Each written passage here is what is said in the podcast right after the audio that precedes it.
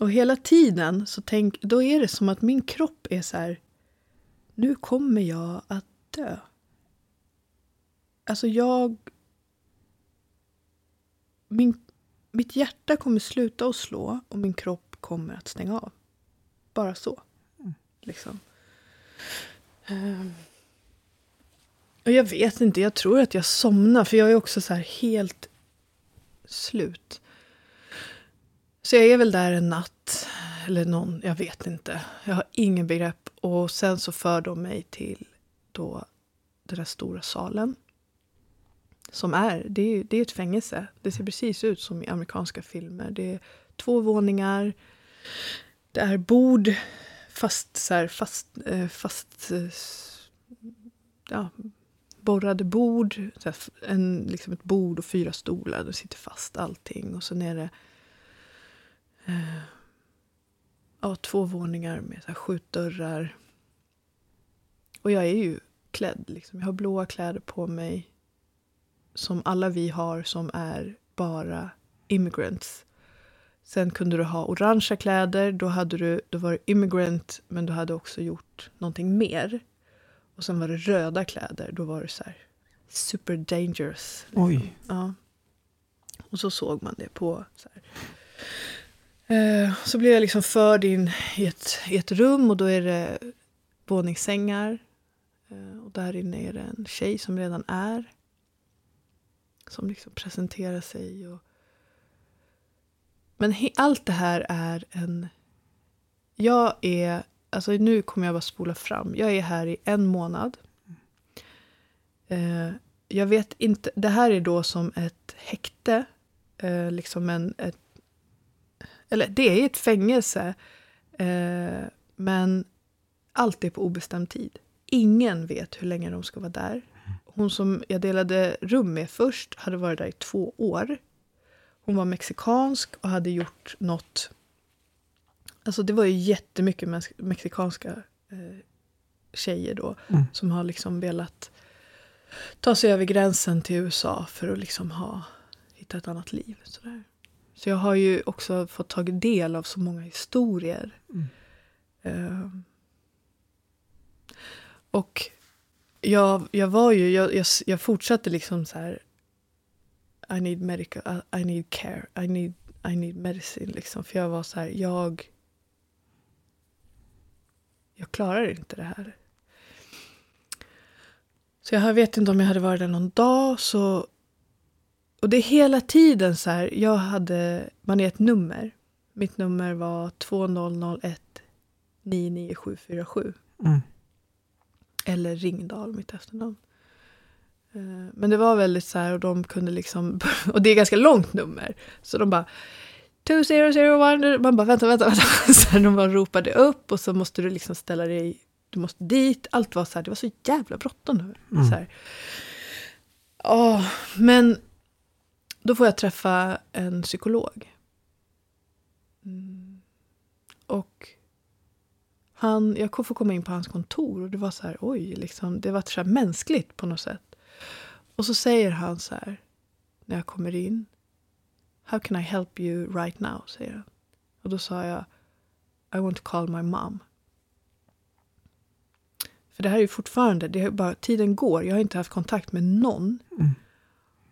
Och då tar han sin telefon och så får jag slå hennes mobilnummer.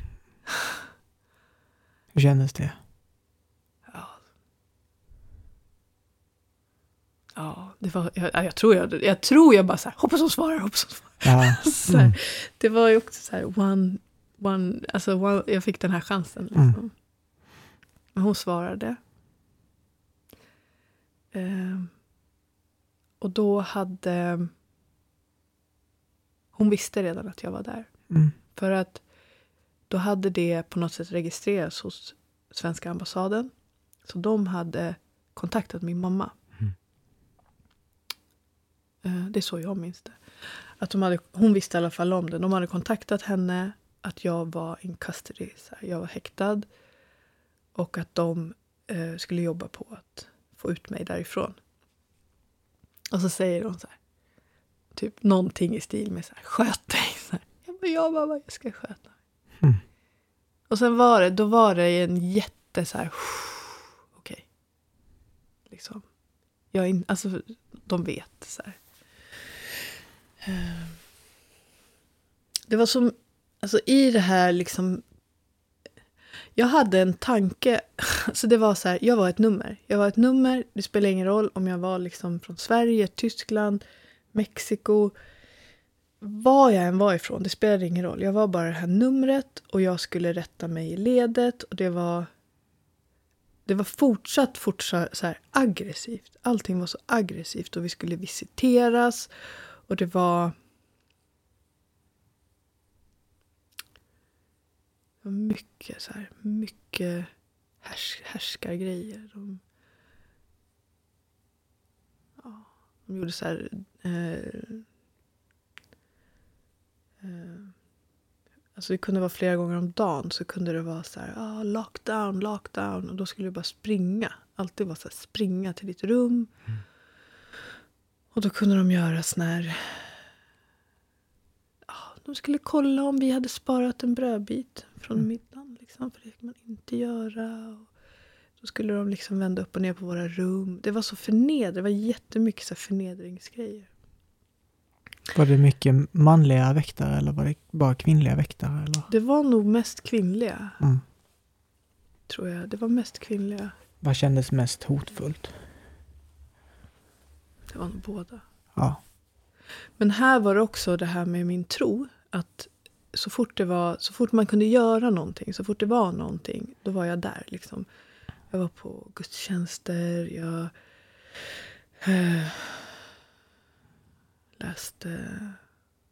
Jag hittade någon så här typ daily prayers, prayers eller någon så här, någon litet blad som jag liksom... Jag försökte hålla rutiner. Äh, en gång så eh, hör jag hur de ropar så, ah, 12 step meeting. Så här, då mm. sprang jag dit och då var det ett 12-stegsmöte. Och det var ju också jättevärdefullt. Det var, jag kommer ihåg att det var typ så här, vaktmästaren satt där och höll i mötet. Det var, jätte, det var jag och en till. Mm. Jag vet inte varför. Alltså, det, hon kanske var där bara för att få komma ut en sväng. Och jag var där och verkligen, det var jätteskönt. Mm. Och här var det också så här, vi samlade allas nummer och mejladresser. Och, mm. Men jag var så här, jag försökte hålla mig aktiv. Sen var det en dag så kom, och det här var också, du kunde skriva så här, eh, du kunde skriva så här, eh, om du ville fråga någonting. Och då var det så här, oh, when, when, a, when are you going to let me out? Typ så här. Mm. Alla de här papperna har jag också. Och då bara fick man svar. Så här, Don't know. Mm. Och så var det en dag så kom det en tjej. Och så sa hon så här. Uh, tomorrow you and me we're going to fly uh, together to New York. Uh, så här, hon skulle eskortera mig dit. Så hon ville bara prata med mig först. Och så liksom hon bara, are you going to, liksom, kommer du vara till problem? Så här. Så jag bara, nej, absolut inte, jag vill hem. För det var ju också att många av de här andra ville ju in i USA. Mm. Så för dem att sitta där, jag vet inte hur deras liv var i Mexiko eller så här, det kanske var bättre för dem att vara där, men jag ville bara hem. Mm. Uh, och sen var det också, jag fick typ något förhör så här, are you going to fight, do you want a lawyer, are you going to fight, fight for this? Så här, att du skulle ha typ ett visum. Jag bara nej, nej, nej, nej, mm. verkligen inte. Hur var, uh, hur var, jag vill få lite mer inblick från det här fängelset. Uh, hur var stämningen? Kunde det vara skämtsamt och skojsamt ibland? Nej men det var ganska hård. Ja. Och det var ju så här eh, väldigt så här grupperat. Mm. Och sen var det liksom, det var ju några som hade alltså, grava psykiska, psykiska liksom problem. Jag mm. hade ju liksom det. Och det var också att till slut så gav de med sig att jag skulle få medicin. Och då fick jag någon sån här häst Alltså det, jag blev helt knockad. Så nästa dag jag skulle få medicinen, jag bara nej, nej, nej, nej, nej. Det var liksom inte det. Jag, nej, absolut inte. Och så fick jag skriva på papper att jag vägrade ta medicinen. Och så, här. så vissa gick ju runt och var helt jättedrogade, medicindrogade. Mycket så här gäng, mycket, alltså jättemycket grupperingar. Eh, alltså ganska mycket bråk och drama. Och det var ju också det här, det kunde vara det här lockdown, då kunde det vara att någon hade gjort någonting som man var bara... Hon, den fick flytta på sig. Och, mm. eh, alltså det, var, det, det var väldigt rörigt och jag var väldigt, väldigt rädd. Mm. Men sen var det, det har jag inte sagt, men den här tyska tjejen. Vi kom på samma avdelning och sen var det en tjej från... Ja... Var är hon ifrån? Ja, men så här... Shanghai kanske? så här, eh, också långt bort. Hon hade också bott i USA med sin kille och mm. samma blivit eh, häktad. I, de hade varit på semester.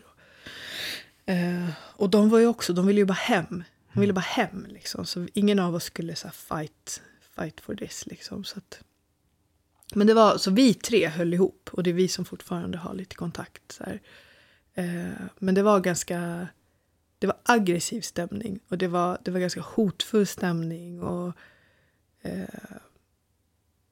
Ja, det var mycket så hierarki liksom. Och jag höll mig det var vi tre höll ihop och sen höll jag mig liksom på mitt rum. Mm. Mycket.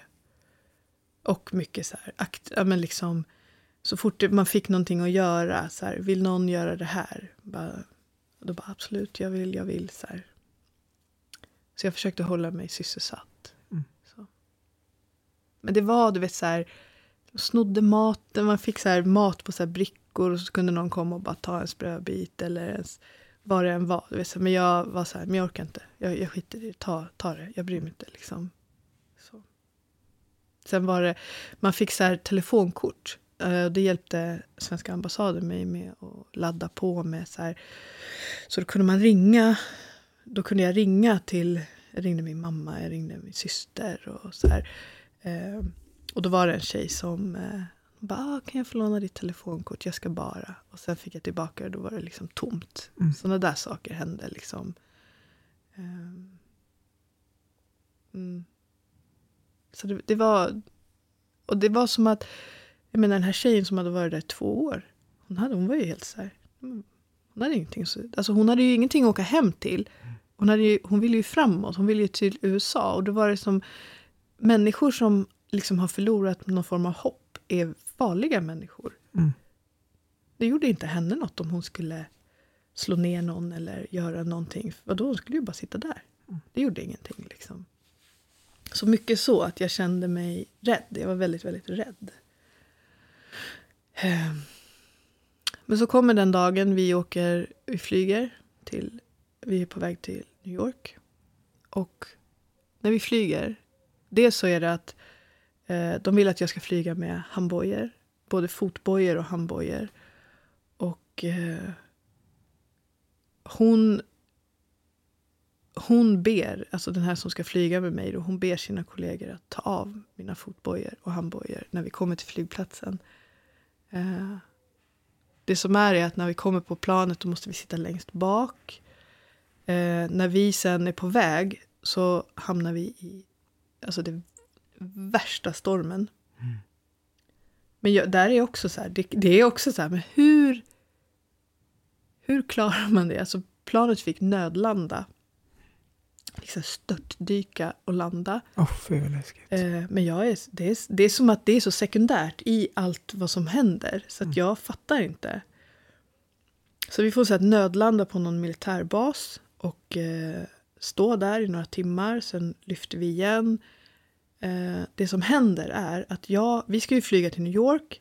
Där ska hon eskortera mig till mitt plan. Jag ska sätta mig på det själv, flyga till Sverige. Mm. Det blir ju, vi blir ju försenade, så jag kommer inte med det där planet. Så när vi kommer till New York, då är hon så här, hon vet inte vad hon ska göra. Hon vet inte vad hon ska göra med mig. Eh, så hon får liksom kontakta då den här CCA i New York. Varpå det kommer en stor man. Jag sitter och bara gråter. Jag bara sitter och gråter. Det, det, är, liksom, det är som att jag klarar inte mer. Liksom. Mm. Jag, på, jag var ju på väg hem och sen händer det här. Och så kommer den här mannen och bara skriker så här. Så här, why isn't she in handcuffs? Så här, och han blir skitförbannad att jag inte liksom är handbojad och fotbojad och jag är ju värsta kriminella. Ja. Oj. Det som... Här är jag liksom, jag är, jag har gett upp. Jag är så här, jag bryr mig inte liksom. Mm. Alltså jag, allt är så surrealistiskt. Allt, hela mitt liv nu är bara så här, det är så konstigt liksom. Och jag sitter i den här polisbilen med blåljus i New York och han har ju då satt handbojor och fotbojor på mig. Och den här tjejen som har flugit med mig, hon, hon ser ju min förtvivlan och är så här, ber liksom att bara, men kan du släppa henne? Hon, hon, hon vill bara hem. Hon är liksom ingen... Eh, då kör de mig till samma ins- så här, institution, fast i New York. Och då har jag också inte ätit. Jag har inte ätit och det är så här, allt, allt är bara... Och i Sverige står mina föräldrar och väntar på Arlanda och tror så här, vart, vart är jag? Jag kommer inte liksom. Och så kommer jag in och blir så här in, in i en, en ny liksom cell och det är då jag har ett, eh, liksom en enkel... Det, det är återigen ett rum med en sån här plåtbänk. Eh, bänk. jag bara lägger mig på golvet. Och så bara ligger jag där och känner så här att nu, nu kommer jag att dö. Nu klarar inte jag, jag, kommer, jag klarar inte mer. Och så ligger jag där och så här. så kommer det en fluga flygande. Och först känner jag alltså, det är irriterande jävla kryp så här den är så envis och den bara flyger och flyger och sitter där och jag tittar på den och den tittar, vi eye-gazar. Mm. här, tittar på varandra. Och så slår det mig så här att det här är ju Gud som är här inne med mig nu. Och visar mig att det här fixar du. För att om han hade skickat in en fågel som har varit mitt liksom spiritual animal så här, då hade jag skitit på mig. Men det hade ju varit jätte, jätte... Jag bara, men det är ju klart att han skickar en fluga för att Mm. visa mig. Och den flugan liksom, jag blir helt lugn. Mm. Jag blir helt lugn. Och bara så här. Jag bara så här, ske din vilja. Ske din vilja.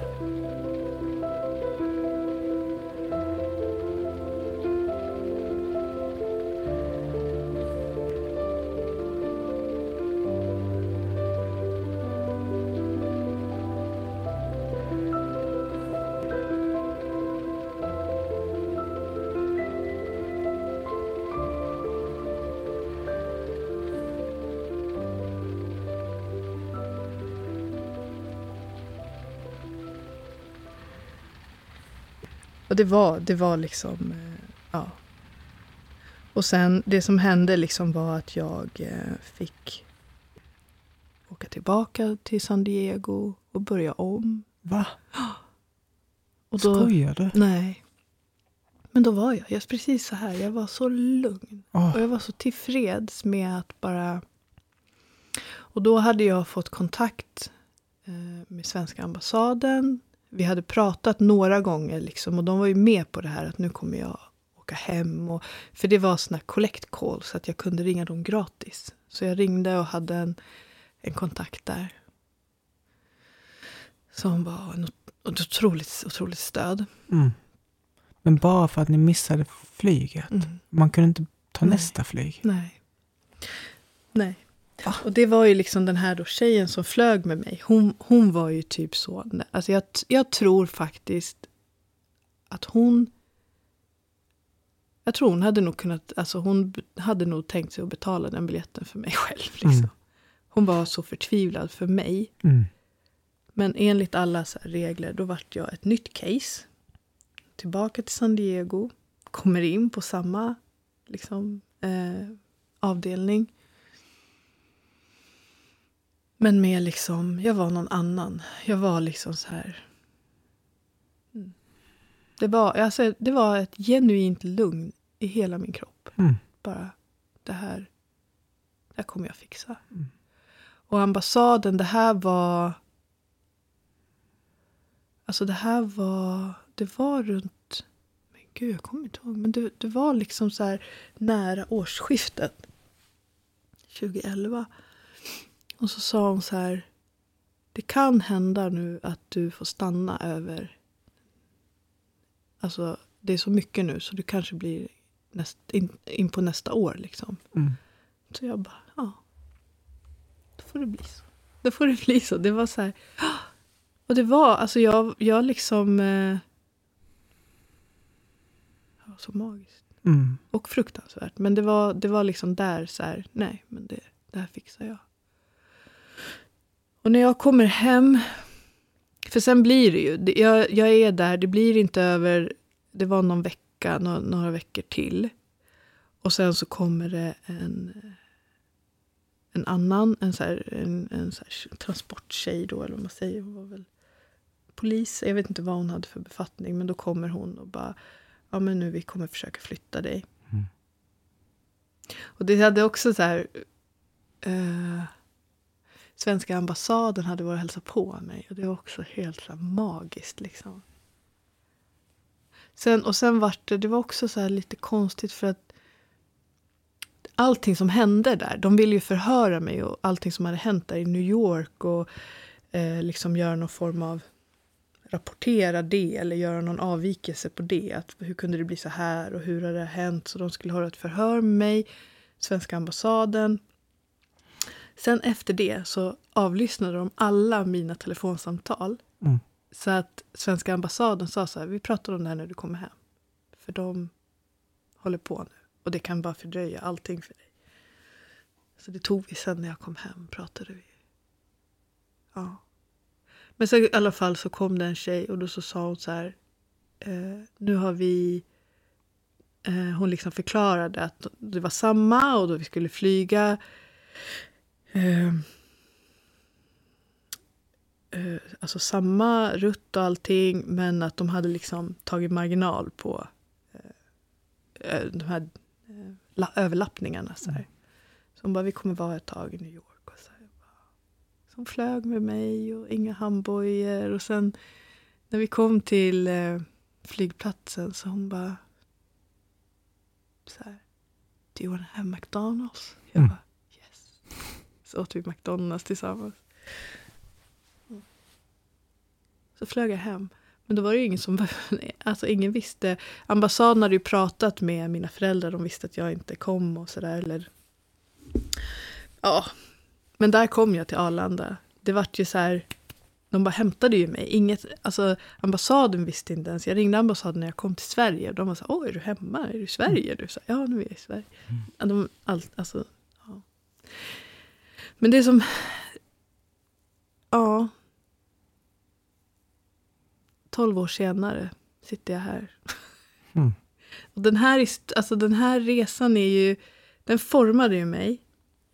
Eh, jag har jag har så lätt till tacksamhet idag.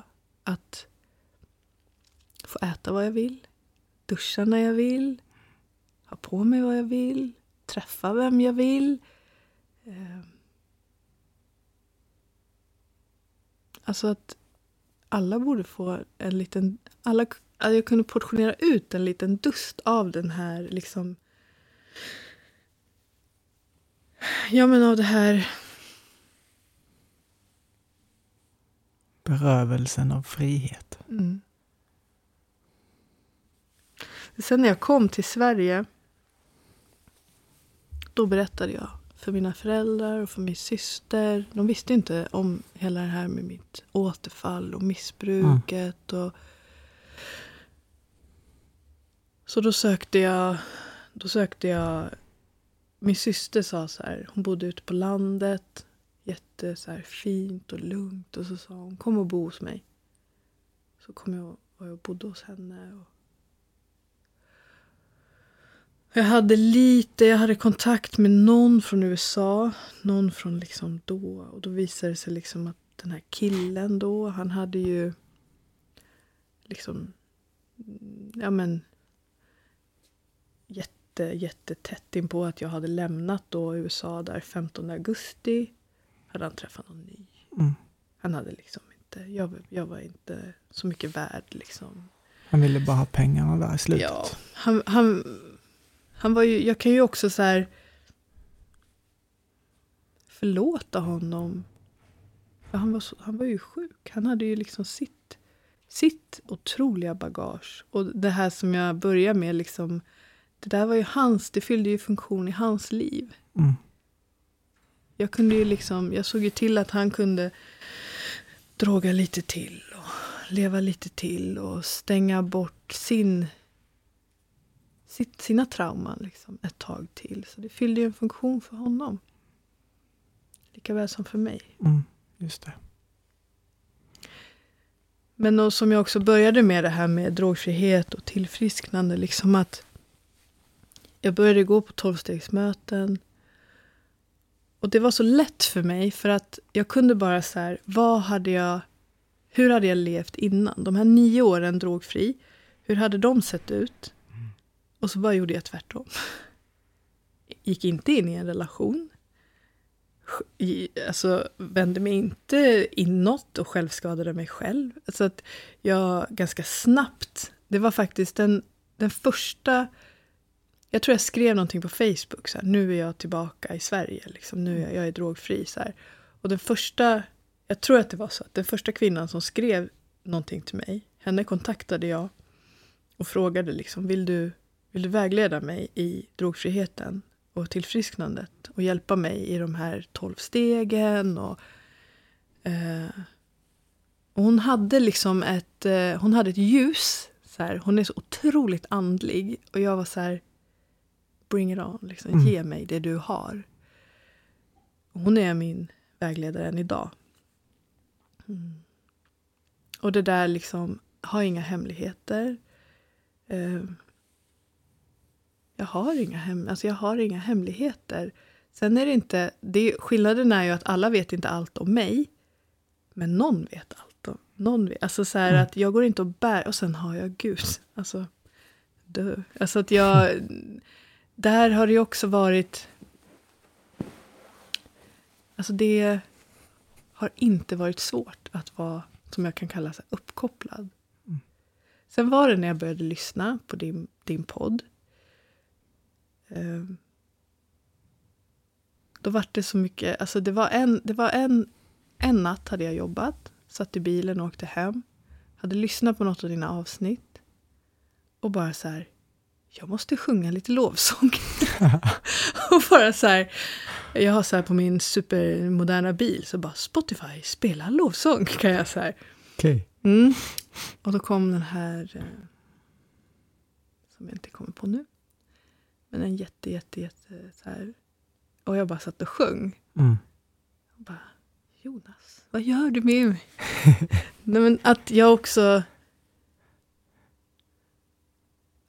glömmer bort. Jag tror att det är mänskligt. Jag ska inte liksom vara dömande mot mig själv. Men jag glömmer också bort hur nära Gud är. Min Gud. Mm. Och... Ja. Och den här liksom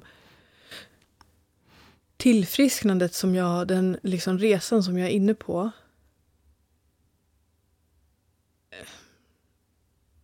Ja, den är, den är liksom, den, den, är så, den är så fin och jag förstår varför jag satt där.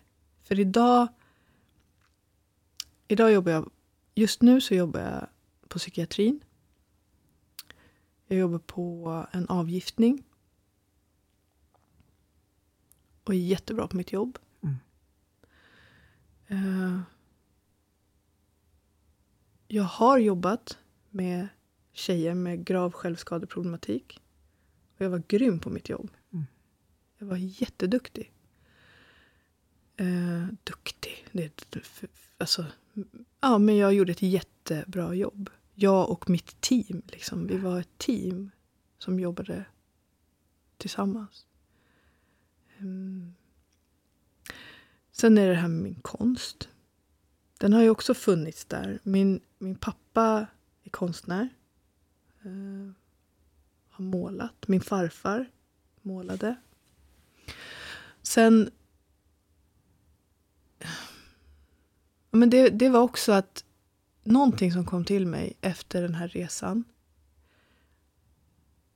Att så här, eh, jag har en liten sån här, if you can dream it you can do it. Mm. Det är han Disney tror jag har sagt det. Skaparen av Disney. Ja. Mm.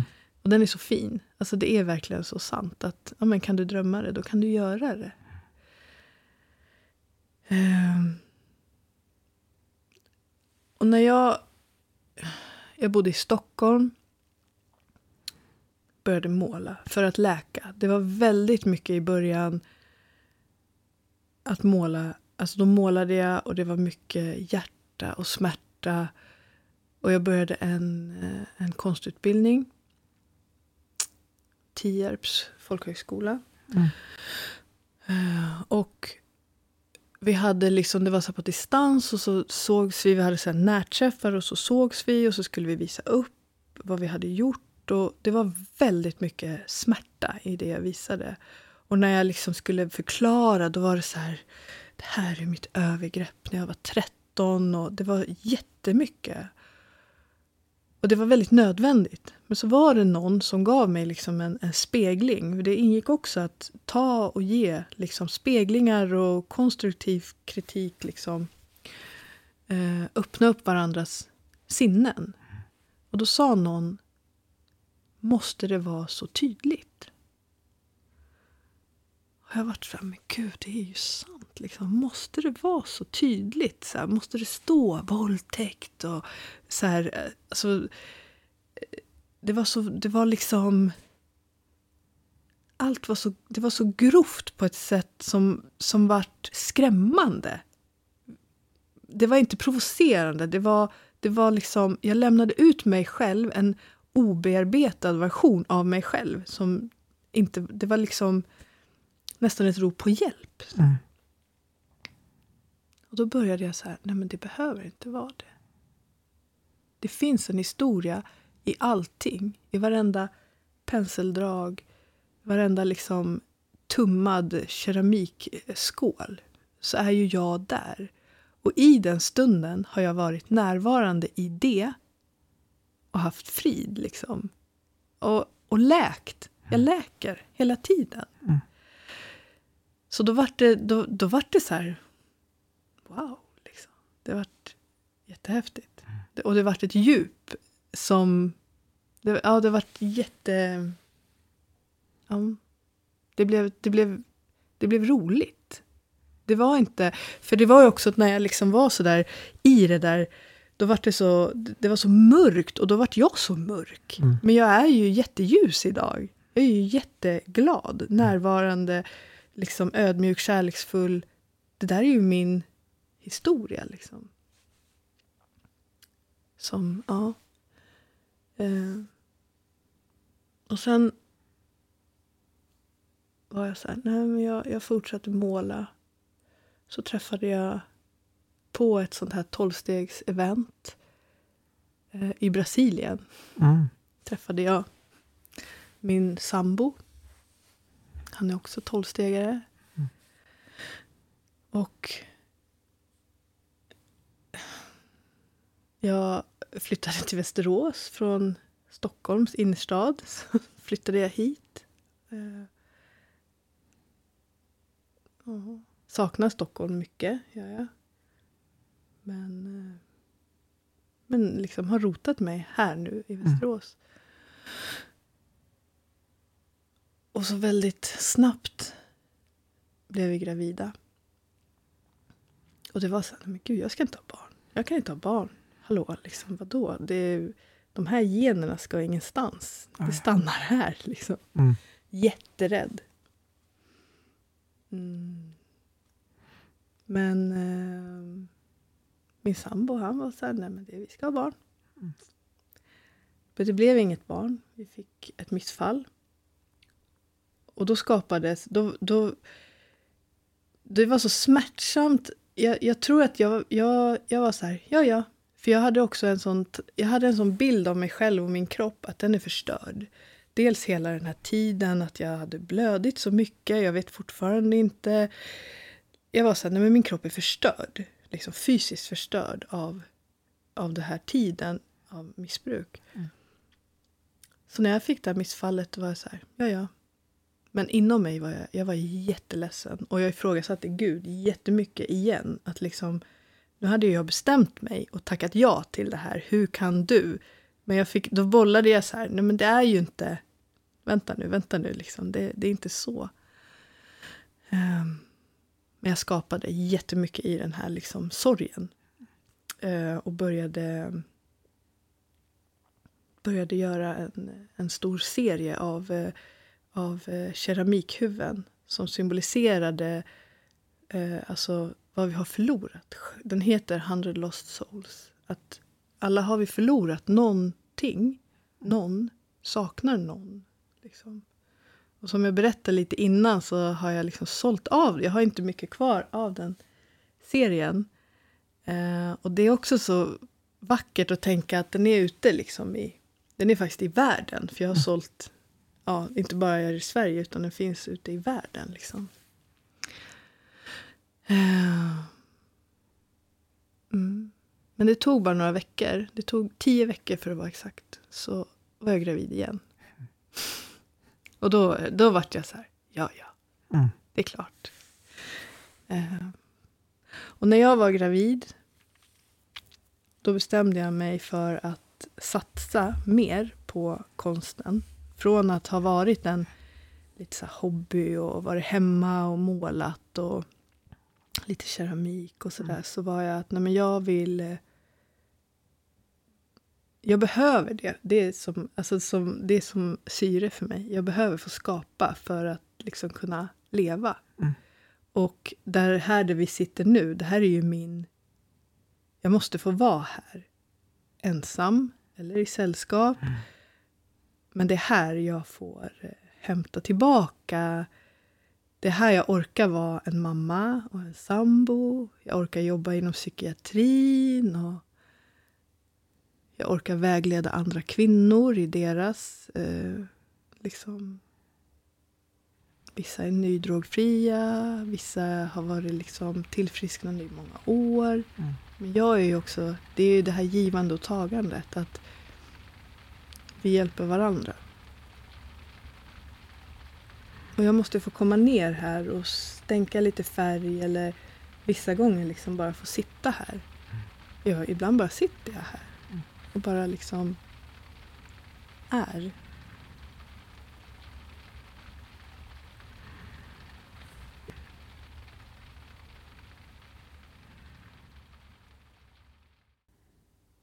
Jo, men när jag, att jag liksom bestämde att jag vill, jag, vill, eh, jag vill att konsten ska ha en större plats i mitt liv. Mm.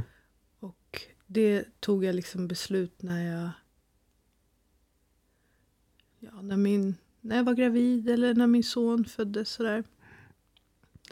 Så då började jag en, en tvåårig konstutbildning här i Västerås. På Västerås konstskola. Mm. Uh, lärde mig jätte, jättemycket där. Det var jätte... Ja, men det var väldigt, väldigt givande tid. Liksom. Och, och, det var där jag också så här, ja men nu vill jag uh, satsa eller hålla på mer med keramiken. Det här eh, ja, men materialet liksom. Och allt man kunde skapa och färger och mm. sådär. Ja, men, och sen jag tycker det är väldigt kul att, att hitta... Om jag får en idé, eh, då, då kan jag, jag kan ha den i flera år. Och så ja, men material och så här, att hur, hur ska jag hur ska jag få till det där? Och, eh, ja, men jag är väldigt... Eh, så det är, inte, det är liksom inte bara själva skapandet utan det är också så här forskandet. och Vilket lim är det bästa limmet? Och kan man hitta det billigt någonstans? Och, mm. eh, och jag tycker också om... Jag är ju som sagt ute och säljer lite på, alltså på en del marknader och designmarknader, konstmarknader. Och det jag tycker om, alltså att, att prata med folk. Så här, ah, men hur har du gjort? Jo, men jag har gjort så här och så här. Och, ah, men skriv till mig på Instagram så ska jag... Kom till mig i studion. Så här. Det är också en så stor del att ge vidare. Mm. Det, det har blivit en så stor del i, i hela mitt liv. Eh, Alltså i allting jag gör. Att inte behålla någon kunskap för mig själv. Utan jag vill liksom dela med mig av, av mig själv. Av mig. Och, och lite så här, vi pratade innan att ja, men jag hade också lite poddtankar. Och du sa, ja men vi kan höras om det. Och då blir jag så här, ja. Vad man, vad, vi, vi, jag vill det här, vi lär av varandra. Varför ska jag då, du har suttit de där timmarna och hittat programmen som är så bra. Mm. Ja men, liksom att vi hjälper varandra. Så här, att, eh, det, tycker jag, det, det tycker jag är jätte, jätteroligt. Mm. Och jag har ju också så tankar om att jag skulle vilja hålla någon form av kursverksamhet. Mycket så här...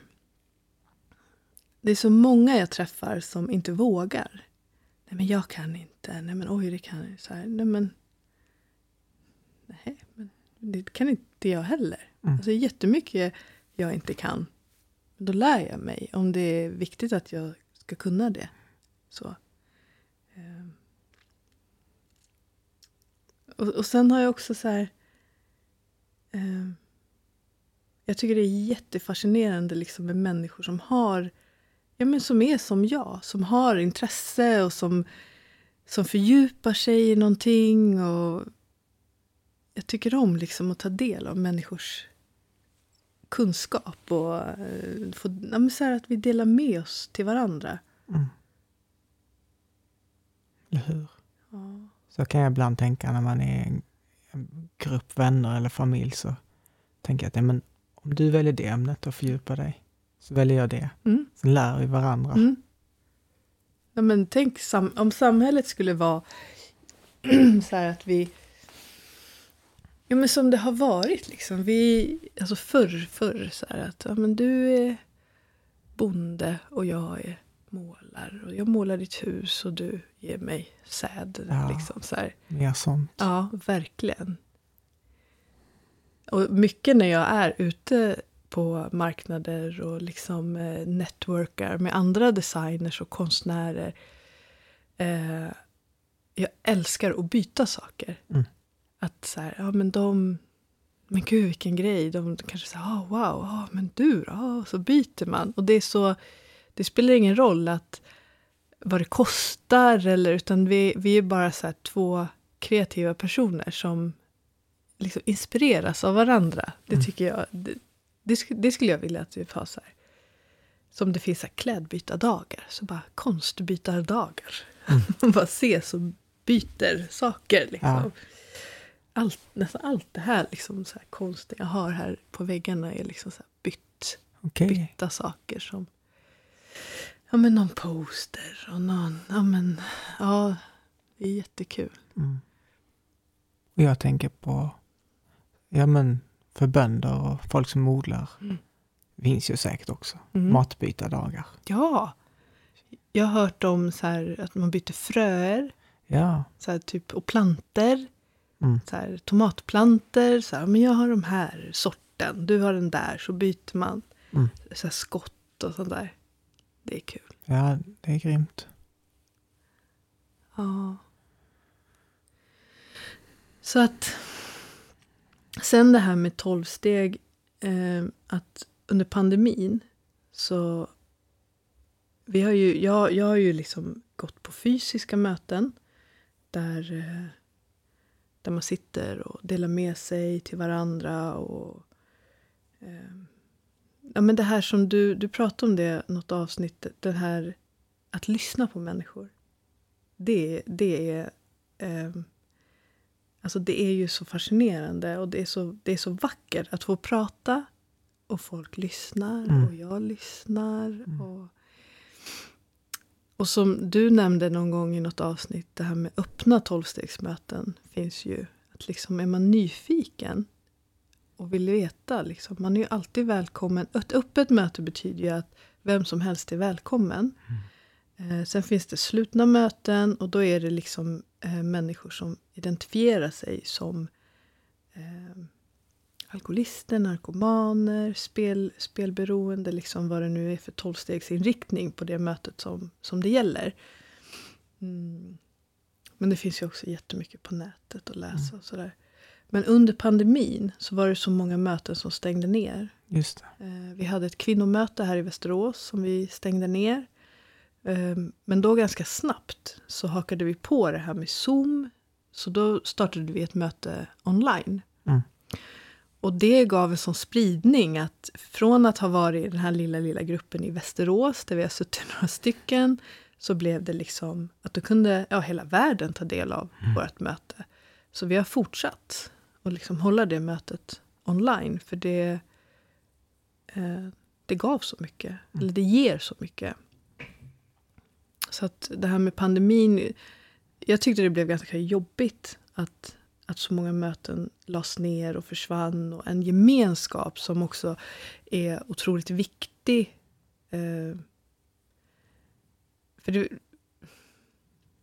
Ja, Ja, den är viktig. ja. Och det ersätter ju inte med eh, Zoom. Det, ger, det är ju ett häftigt alternativ eller det kan ju ge en, en, en viss bit av det. Mm.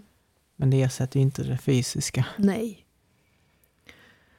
Men, eh, men det som det också öppnade upp, för det var ju liksom hela världen började ju med online-möten. Ja. Så jag började vara mycket på möten i USA.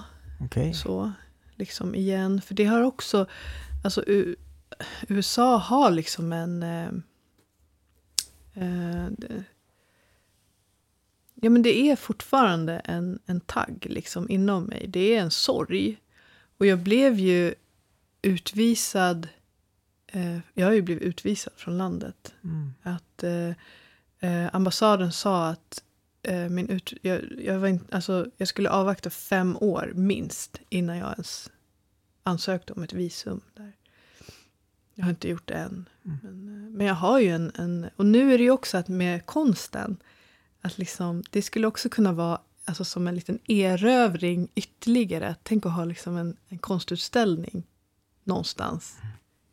Kanske i Las Vegas eller Mm. Los Angeles. Alltså att claima tillbaka min mark, liksom. Ah, att min häftigt. plats. Ja. ja. Mm. If you can dream it, you can do it. Så det är bara... Ja, det, det, alltså det, det kommer nog bli så Mm. nå- någon gång. Liksom. Det får ta den... När jag är redo så kommer vi, kommer vi, kan vi åka dit. Mm. Men sen det här, alltså den här liksom andligheten och ja, men som jag sa, liksom den här lilla flugan och fågeln. Och, Ja. Alltså, det är ju närvarande hela tiden. Och idag har jag... Alltså, jag är inte rädd. Och jag... Jag har en... Jag har en styrka som...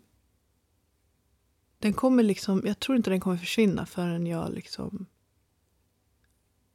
Ja, går ur jorden. Ur jordelivet liksom. Så här, när, jag, när jag skulle föda barn. Alltså det, där var det också. Hela, alla, hela den här upplevelsen var så närvarande i mig. Och bara så här. Äh, jag ska bara föda ett barn. Jag har överlevt det där. Nu ska jag bara föda ett barn. Mm. Och också så här. Där kom liksom min farmor och så här urkvinnor bara var i mitt sinne. Så här, Mm. Gud, det här är ingenting. Det här är ingenting. Kände du av deras närvaro eller? Ja, jättestarkt.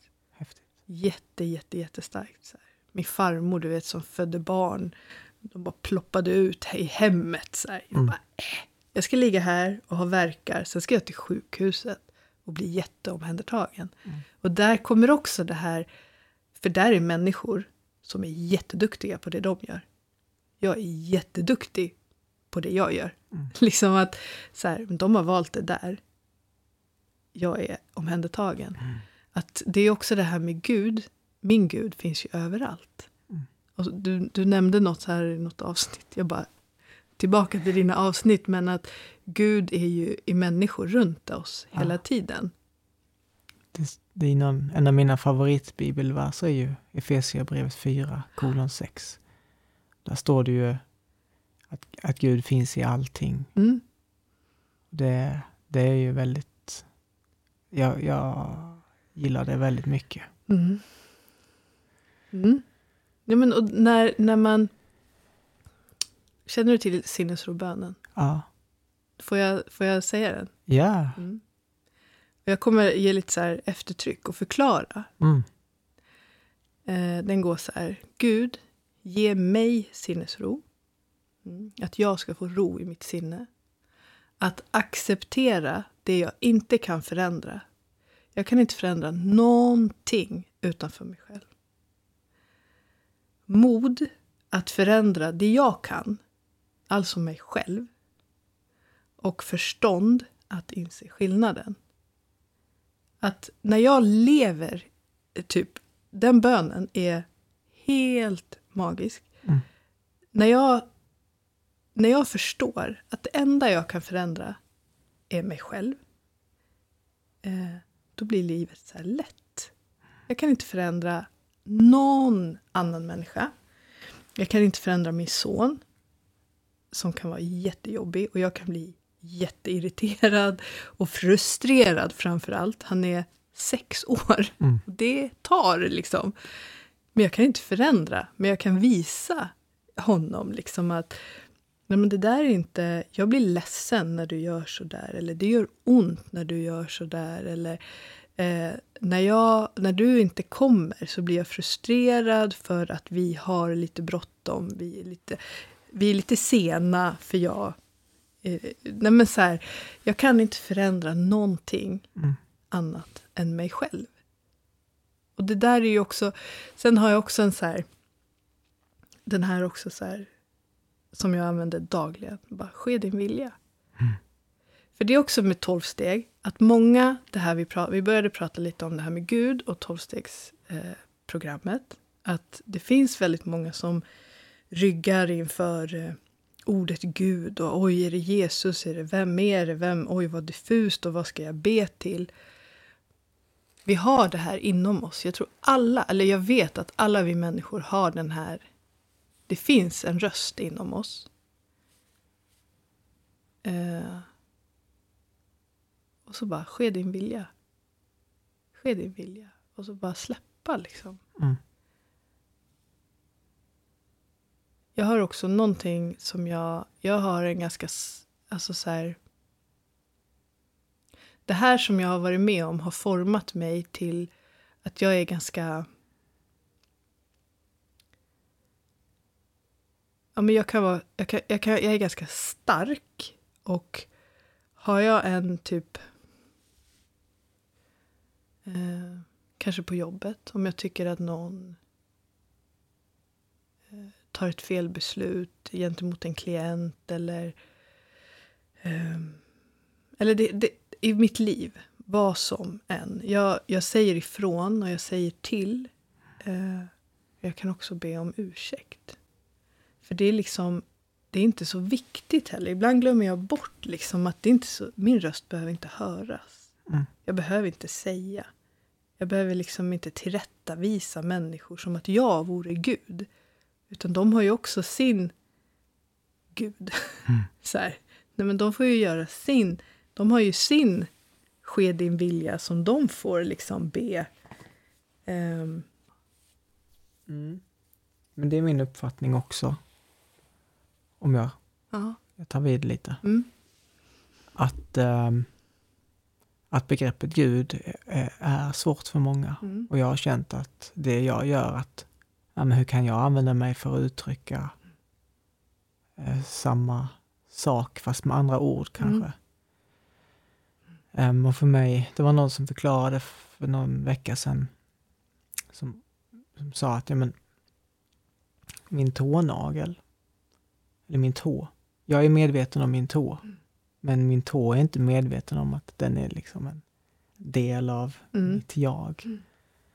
Och jag kan se Gud så att jag är, med, jag är, en, jag är tån Mm. och det finns en, en gud som jag kan ha svårt för att vara medveten om. Mm. Men möjligheten finns. Och koppla upp till det där, eh, ja, koppla upp Mm. och känna samhörigheten till den där kroppen Mm. som allt annat också är en del av. Mm. Ehm, Så på något sätt försöka ehm, ta ner de, de här begreppen Gud och himmelriket till jorden. Mm.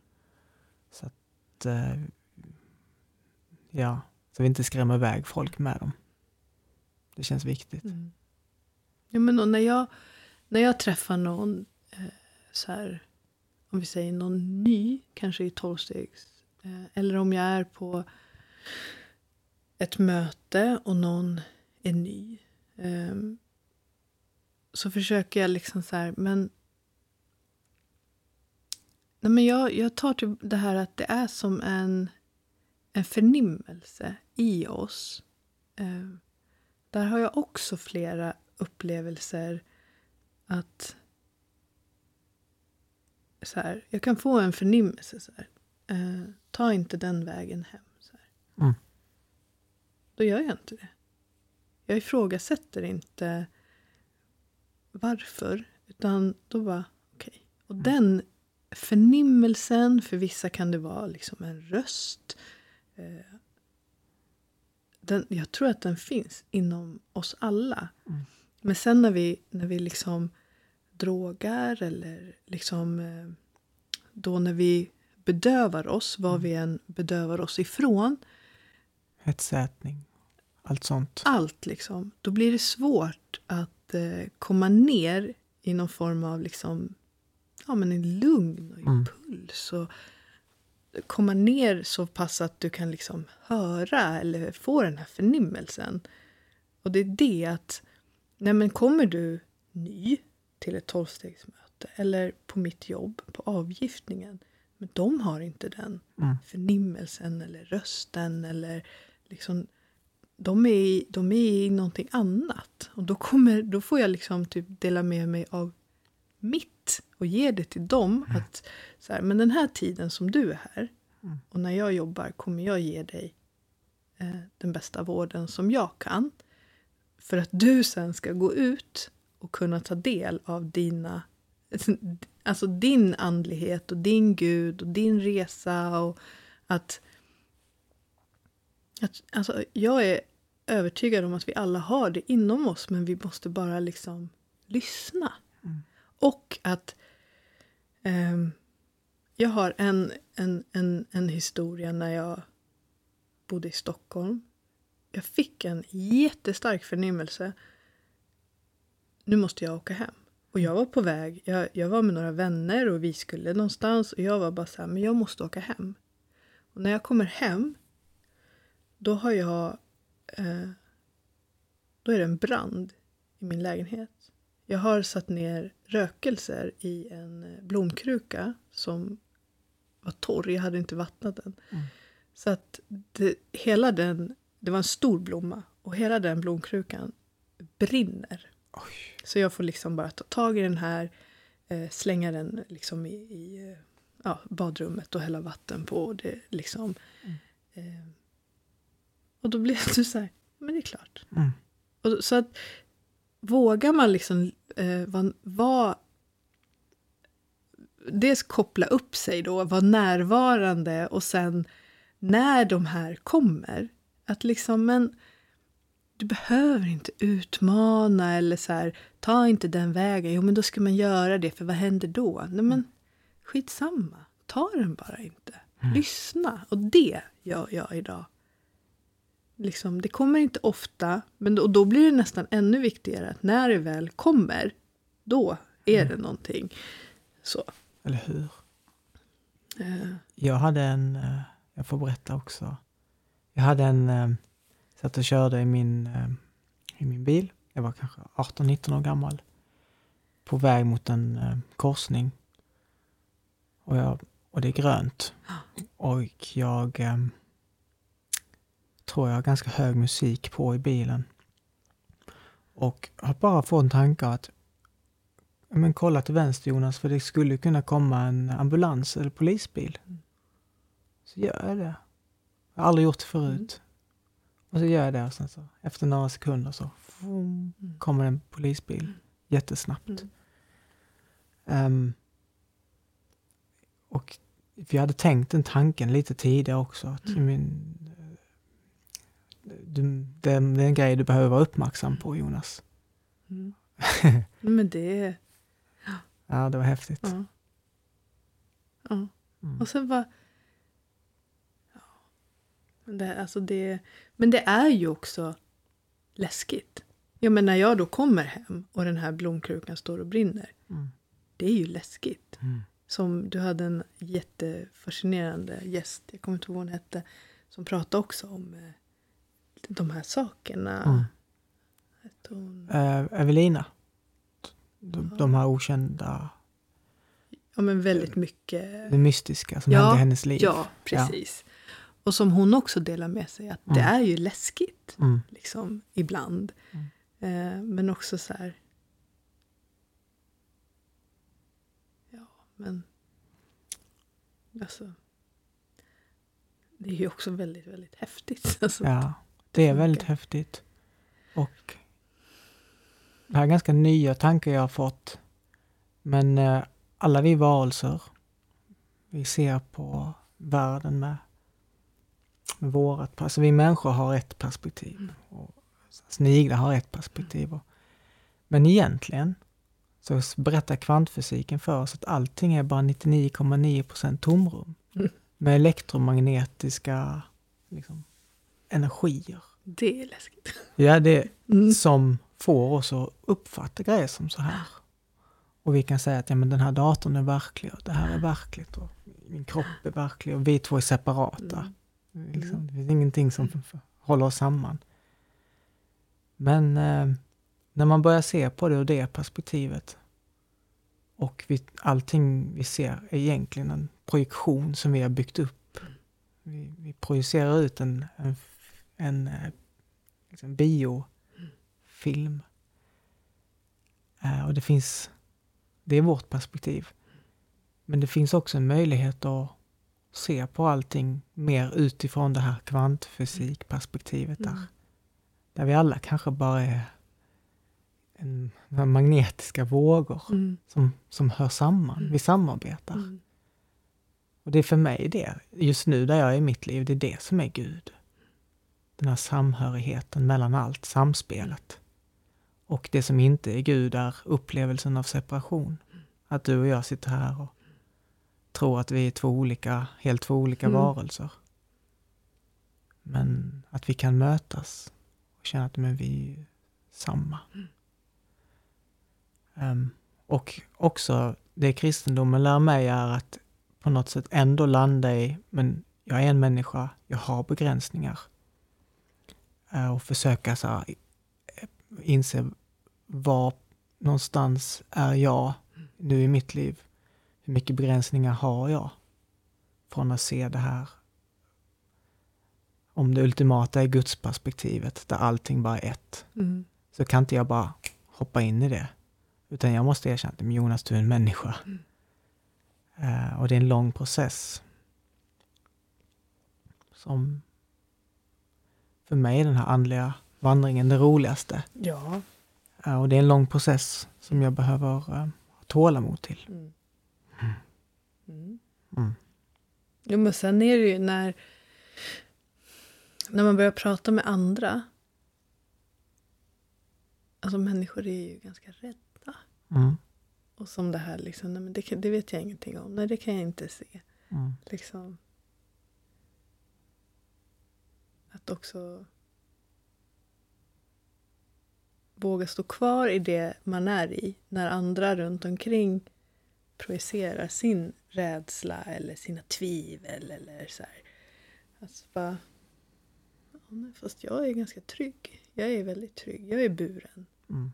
Och det är du också. Mm. Men, och jag vet det, men vet inte du det? Det är okej. liksom. Mm. Ja.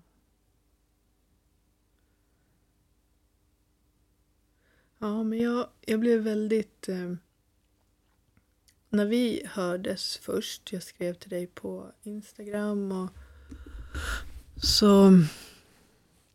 Mm, men då hade jag liksom typ en bild av vad jag tänkte om vårt möte. Mm. Och det var inte så här. Mm. Um, Men det här blev väldigt bra. Hur tänkte du att det var? Eller skulle vara? Jag tänkte att... Eh, jag hade nog inte ens tänkt att nämna hela min resa till USA. Okej. Förstår du? Jag vet- Mm. Jag vet inte vad jag hade... Ja, jag hade nog... Jag blev så inspirerad när Anna pratade om tolv steg. Att, eh, för det är också att i mitt liv idag...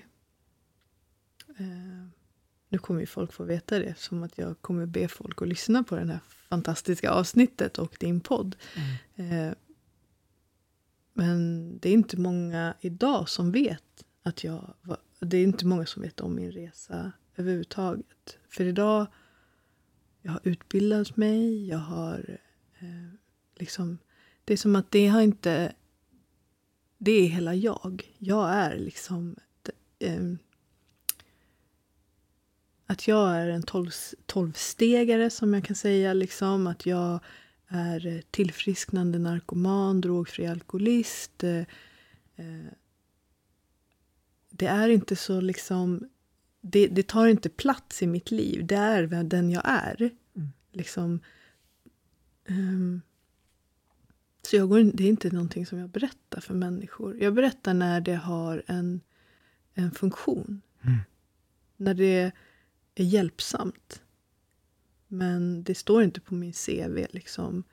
Ehm, utan det som tolvstegsprogrammet ger mig, den ödmjukhet, den, eh, liksom den livssyn, eh, alltså det sättet jag är i samhället. Det, det har jag liksom, det har tolvstegs... Jag kan känna att tolvstegsprogrammet har gett mig, har, har lärt mig leva. Och det här är jag idag. Jag är personifierad, liksom en tolvstegsperson. Eh, så att det är ingenting jag går ut med. För Mm. det, det, är så här, det är som att så här, ja, jag är mamma också. Och jag är stora syster och jag är... Alltså förstår du, vi har så mycket olika roller i våra liv. Så att det är bara att jag, jag frågar inte andra. Vad, vad har du liksom? Eller vad, vad kallar du dig? Eller liksom, vad har du för roller i ditt liv? Um, varför sa jag det här?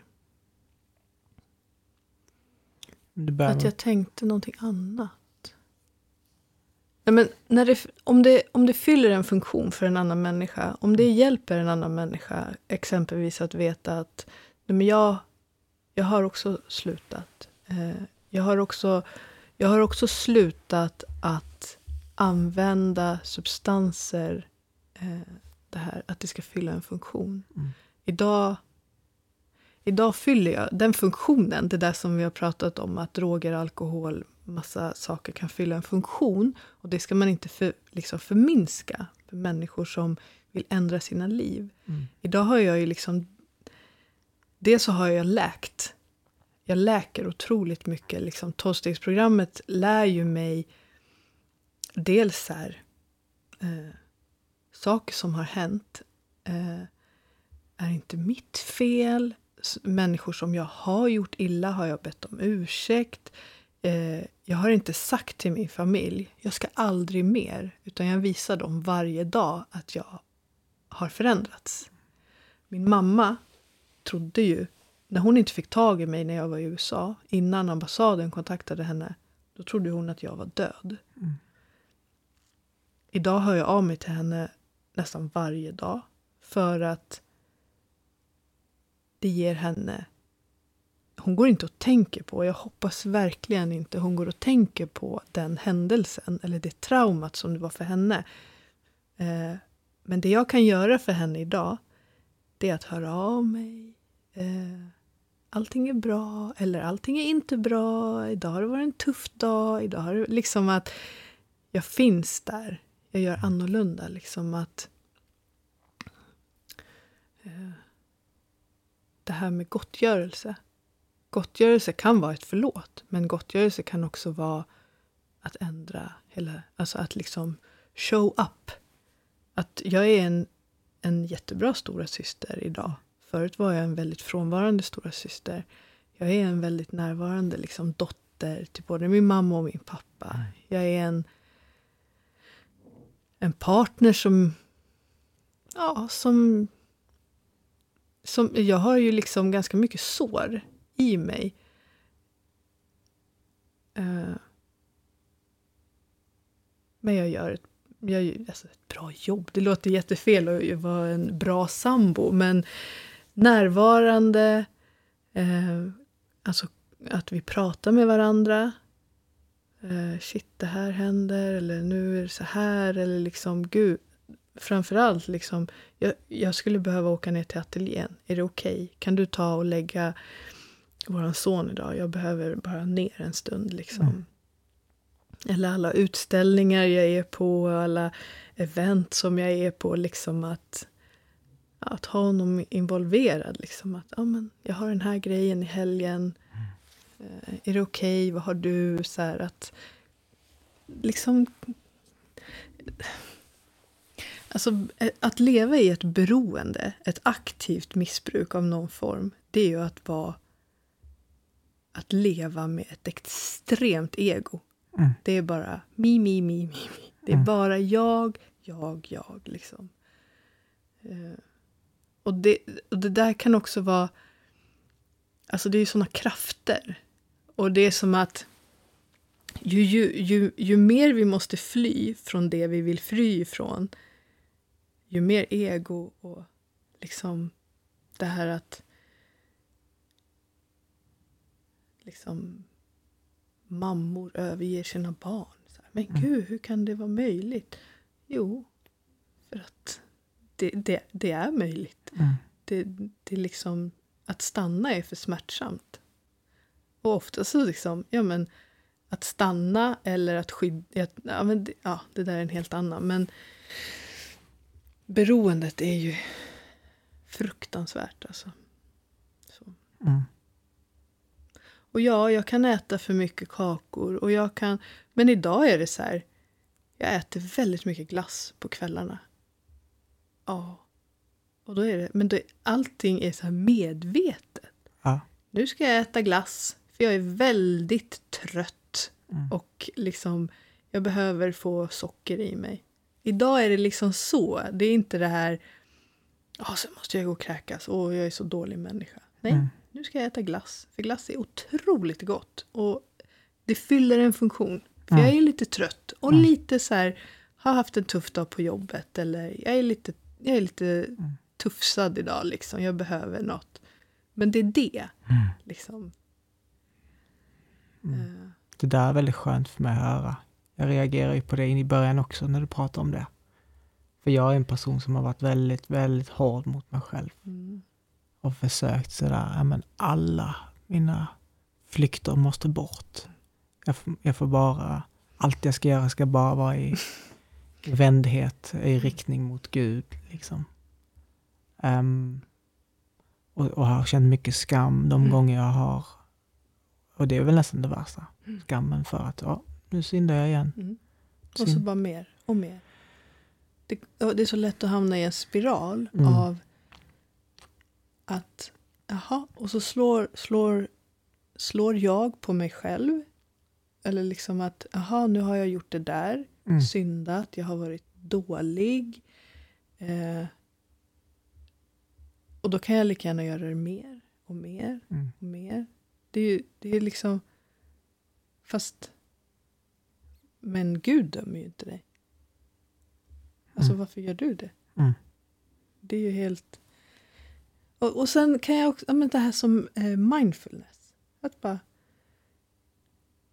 Alltså om, du, om vi säger så här, ja men du äter den här chokladkakan och så bara, men jag hade ju bestämt mig, jag skulle inte göra det. Gud vad jag är dålig. Mm. Så bara, fast den är jävligt god. Alltså bara ät den istället. Mm. Men nästa gång du är på affären så kanske så här, ja just det, jag blev ju lite triggad av de där chokladkakorna som ligger där i kassan, bla bla bla. kan jag ta en självscanner istället så slipper jag gå förbi dem där. Eller att man säger, men var snäll. Mm. Alltså var snäll. Vi, hela det här samhället matar oss med skit. Dagarna är ända liksom. Vi pratar om Instagram och så här. Ah, hur många följare har du? Oh, hur många likes? Alltså jag kan bli, om jag lägger ut något, jag kan bli helt besatt. Ja, jag med. Och så bara, fast, och som du också sa någon dag så här, ja nu har det gått en timme. Nej men, alltså att tiden bara försvinner. Nej, alltså, åh. Men också så är det, för det, och det är också så här, ja, det är jättejobbigt, tiden försvinner. Men i samhället idag, jag kan inte så här gör, lägga ut en annons i lokaltidningen och bara konstnär finnes. Mm. Vill du, vill du köpa något? Det är ju också att jag måste ju vara där för att synas. Så det blir... Ja, det... Men jag, jag precis som du sa i något avsnitt, jag, jag skulle må bra av att begränsa mig eller att ha det mer som ett jobb. Att, att kanske så här, precis som jag går till jobbet så kan jag också liksom eh, gå till Instagram. Mm. Alltså boka in nästan så här, ja men nu har jag Instagram-tid och då ska jag lägga någon post och jag ska lägga upp någon ny bild, jag ska länka till min hemsida. Liksom. Mm. Och sen är det då. Vad Eller- som händer, hur många likes, hur många followers. Det får vara. Mm. Liksom. Det ska jag göra. Ja, men det... Ja. det För nog- du har ju också en Instagram nu. Och liksom skriver och du är aktiv.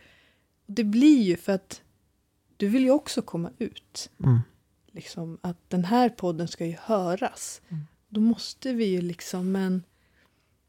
Ja. Jag har svårt att förhålla mig till det, här, för jag är sådär att jag tänker lätt in i som att men det här är verkliga livet och men varför?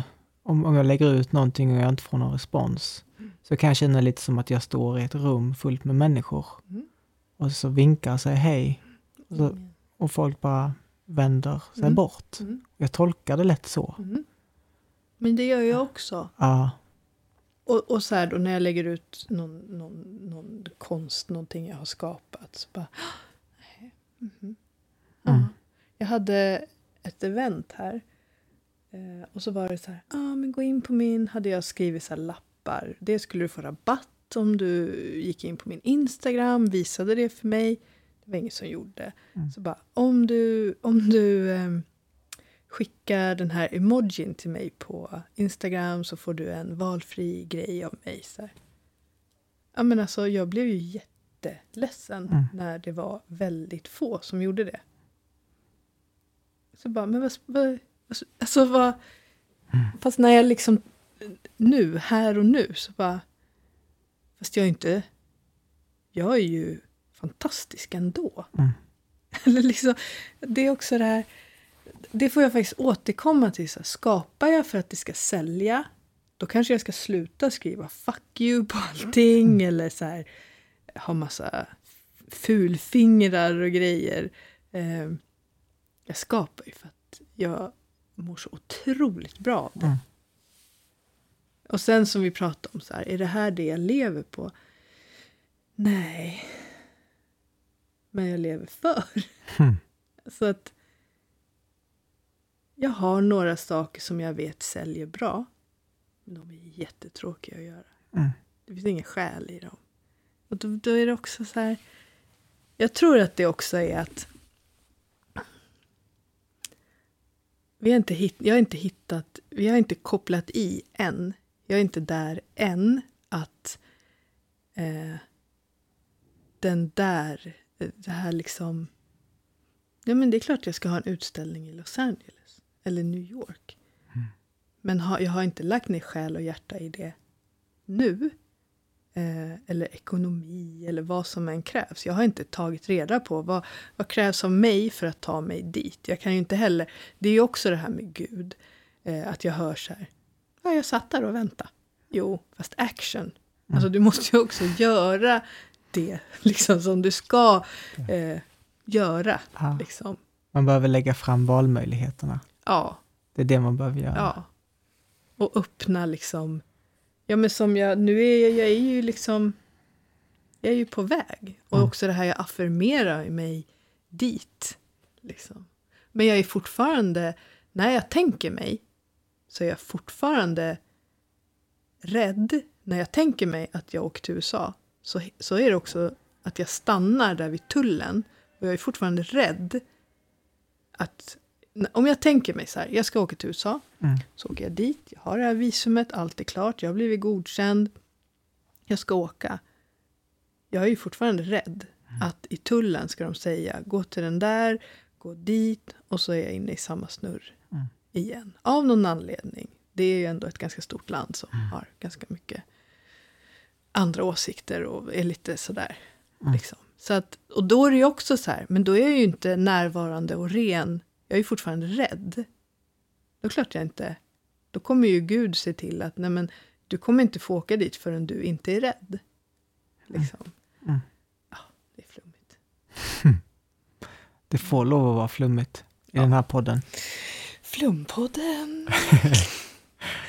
ja, Men du, ja, tack så jättemycket. ja, men tack. Du ska jobba snart. Ja, Jobba natt eller? Och du känner dig redan trött säger du? nej men jag sover ju inte så mycket heller. Nej. Jag har ju jobbat i natt också. Ja. Men det... Det är värt det. Ja, vad skönt Ja. att du tycker det. Jo, det, det är liksom, det är inte... Det är faktiskt, det jag tänker nu är att jag just nu längtar jag hem till min son Mm. och krama om honom. Det är så att viss, viss, jag tycker att det är jättejobbigt att vara mamma. Mm. Jag tycker att det är väldigt svårt att vara mamma. Där ställer jag höga krav på mig själv som mamma. Men där, det, det är liksom en del. Eh, men det jag återkommer till, det jag tänker på det här nästan varje dag, är att min son som är sex år har aldrig sett mig frånvarande. Mm. Han har aldrig sett mig berusad. Eh, Han har, han har sett mig känslosam och liksom i... i eh, men det är så många barn som växer upp i eh, hem där de inte får, de får inte finnas. Liksom. Föräldrarna har så mycket med sig och sitt. Och det, det ger mig en, en, en sån det ger mig en sån tröst. Så här, att, ja. Och också så här, men det är okej att det är jobbigt. Det har jag också börjat så här, det är också en tabugrej och jag börjar prata med mina mammavänner. så här. Och där, där har jag min ärlighet har öppnat upp deras ärlighet. Mm. Alltså bara, fy fan vad jobbigt det är ibland. Och en sexåring. Som, alltså så här, eller alla stadier har sitt, liksom, alla åldrar. Eh, så det längtar jag. Jag längtar efter honom. Och vara... Det här liksom när jag kommer hem. Mamma, jämt. Varenda dag är det så. Ja, Han är bara glad. Mm.